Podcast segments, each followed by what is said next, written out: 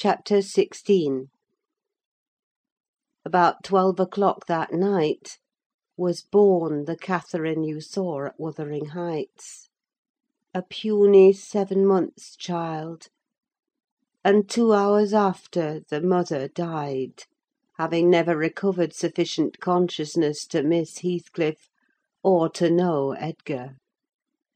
The latter's distraction at his bereavement is a subject too painful to be dwelt on: its after effects showed how deep the sorrow sunk. A great addition, in my eyes, was his being left without an heir. I bemoaned that as I gazed on the feeble orphan; and I mentally abused old Linton for, what was only natural partiality, the securing his estate to his own daughter instead of his son's. An unwelcomed infant it was, poor thing! It might have wailed out of life, and nobody cared a morsel during those first hours of existence. We redeemed the neglect afterwards; but its beginning was as friendless as its end is likely to be. Next morning, bright and cheerful out of doors, stole, softened, in through the blinds of the silent room, and suffused the couch and its occupant with a mellow, tender glow. Edgar Linton had his head laid on the pillow, and his eyes shut. His young and fair features were almost as death like as those of the form beside him, and almost as fixed. But his was the hush of exhausted anguish, and hers of perfect peace. Her brow smooth, her lids closed, her lips wearing the expression of a smile. No angel in heaven could be more beautiful than she appeared; and I partook of the infinite calm in which she lay. My mind was never in a holier frame than while I gazed on that untroubled image of divine rest. I instinctively echoed the words she had uttered a few hours before: "Incomparably beyond and above us all! Whether still on earth, or now in heaven, her spirit is at home with God."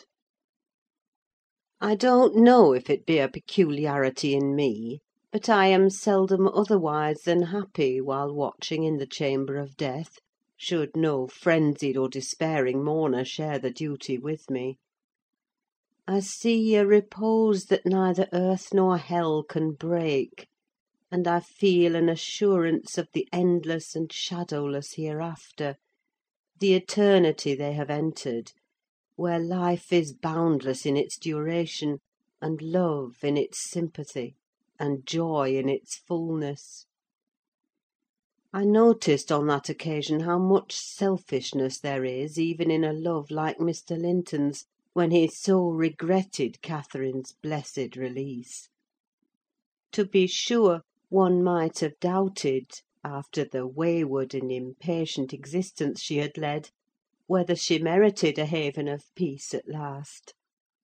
One might doubt in seasons of cold reflection, but not then, in the presence of her corpse. It asserted its own tranquillity, which seemed a pledge of equal quiet to its former inhabitant. Do you believe such people are happy in the other world, sir? I'd give a great deal to know. I declined answering Mrs. Dean's question, which struck me as something heterodox. She proceeded: "Retracing the course of Catherine Linton, I fear we have no right to think she is; but we'll leave her with her Maker. The master looked asleep, and I ventured soon after sunrise to quit the room, and steal out to the pure, refreshing air. The servants thought me gone to shake off the drowsiness of my protracted watch: in reality, my chief motive was seeing Mr. Heathcliff. If he had remained among the larches all night, he would have heard nothing of the stir at the Grange, unless perhaps he might catch the gallop of the messenger going to Gimmerton.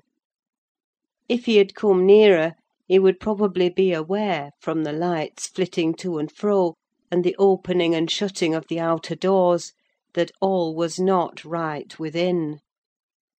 I wished, yet feared, to find him. I felt the terrible news must be told, and I longed to get it over; but how to do it I did not know. He was there, at least a few yards further in the park, leant against an old ash tree, his hat off, and his hair soaked with the dew that had gathered on the budded branches, and fell pattering round him.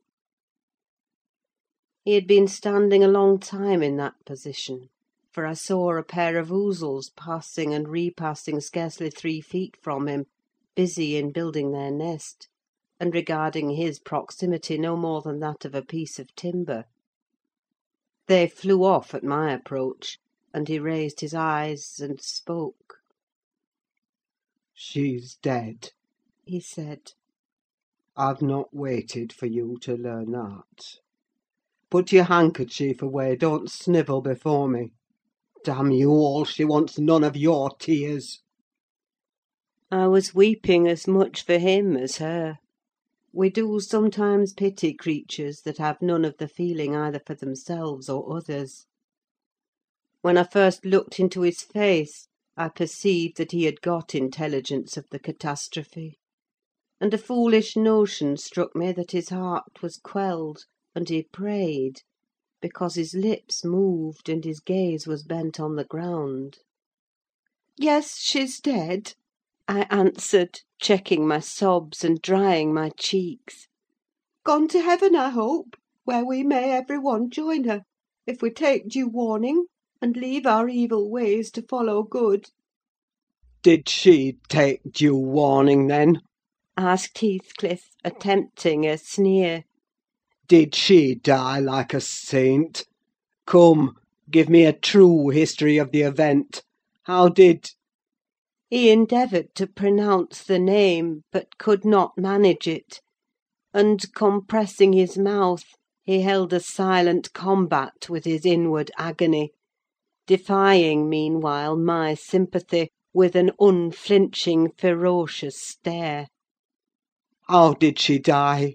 he resumed at last, fain, notwithstanding his hardihood, to have a support behind him; for after the struggle he trembled, in spite of himself, to his very finger ends. Poor wretch! I thought. You have a heart and nerves the same as your brother men. Why should you be anxious to conceal them? Your pride cannot blind God. You tempt him to wring them, till he forces a cry of humiliation." "Quietly as a lamb," I answered aloud.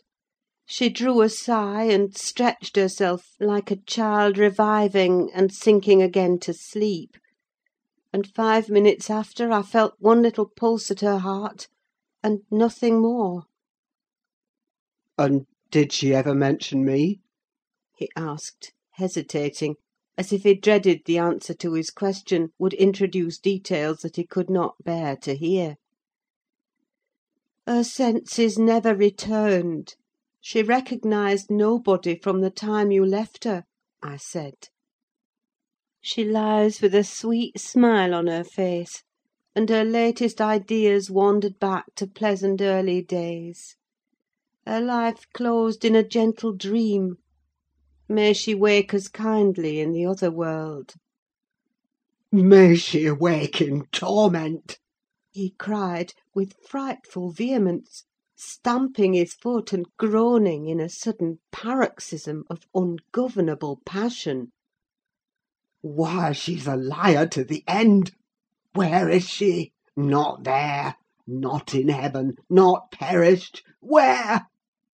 Oh, you said you cared nothing for my sufferings; and I pray one prayer—I repeat it till my tongue stiffens. Catherine Earnshaw, may you not rest as long as I am living! You said I killed you: haunt me, then! The murdered do haunt their murderers, I believe. I know that ghosts have wandered on earth. Be with me always: take any form, drive me mad! Only do not leave me in this abyss where I cannot find you. Oh, God! it is unutterable! I cannot live without my life! I cannot live without my soul!" He dashed his head against the knotted trunk, and lifting up his eyes, howled, not like a man, but like a savage beast being goaded to death with knives and spears. I observed several splashes of blood about the bark of the tree, and his hand and forehead were both stained. Probably the scene I witnessed was a repetition of others acted during the night. It hardly moved my compassion: it appalled me.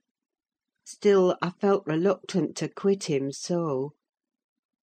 But the moment he recollected himself enough to notice me watching, he thundered a command for me to go, and I obeyed.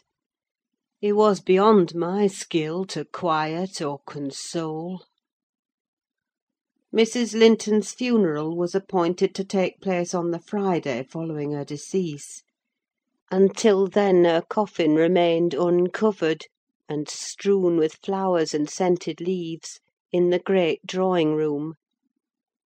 Linton spent his days and nights there, her sleepless guardian; and a circumstance concealed from all but me Heathcliff spent his nights, at least, outside, equally a stranger to repose.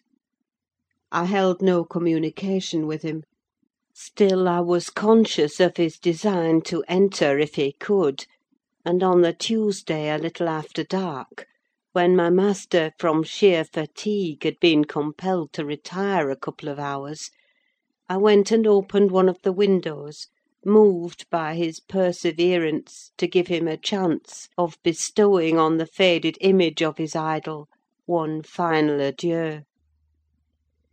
He did not omit to avail himself of the opportunity, cautiously and briefly; too cautiously to betray his presence by the slightest noise. Indeed, I shouldn't have discovered that he had been there except for the disarrangement of the drapery about the corpse's face, and for observing on the floor a curl of light hair, fastened with a silver thread, which, on examination, I ascertained to have been taken from a locket hung round Catherine's neck. Heathcliff had opened the trinket and cast out its contents, replacing them by a black lock of his own. I twisted the two, and enclosed them together. Mr. Earnshaw was, of course, invited to attend the remains of his sister to the grave. He sent no excuse, but he never came; so that, besides her husband, the mourners were wholly composed of tenants and servants. Isabella was not asked. The place of Catherine's interment, to the surprise of the villagers, was neither in the chapel under the carved monument of the Lintons, nor yet by the tombs of her own relations outside.